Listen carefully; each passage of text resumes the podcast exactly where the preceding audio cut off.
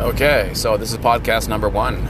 My name is Max Noble, and I want to talk about TMAX R&D, talent maximization, research and development. So about 10 years ago, I had this, I guess, an epiphany or a, a life-changing moment where I realized that the education system could be done better right? We could do it better. And I think that the way we do it now, we're holding kids back. Some kids have more potential, right? Uh, everyone is different, so each person should have their own unique education, not the standardized thing for everyone. I'll go into detail later about why that's so important, but for now, that's just that's kind of where I started, and uh, so I read a lot of books about modern education. I didn't research the traditional education system.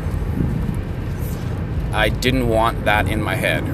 I only wanted what was new, everything that was post internet. Okay, anything before the internet, yeah, I left that behind. But there are some good points that I did bring forward to TMAX R&D, but here, I'll first answer the question what is TMAX R&D? Again, talent maximization.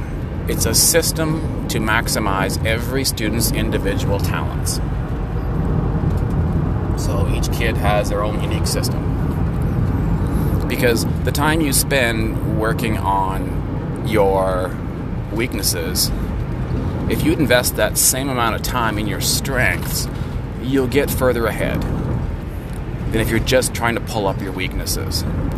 And there's a lot of evidence to suggest that when you work on your strengths, your weaknesses get pulled up too. So that was kind of the focus. And that's why it's called TMAX R&D, talent maximization, research and development because it's not a set system. It is something that's continually evolving. It's always changing as the world changes.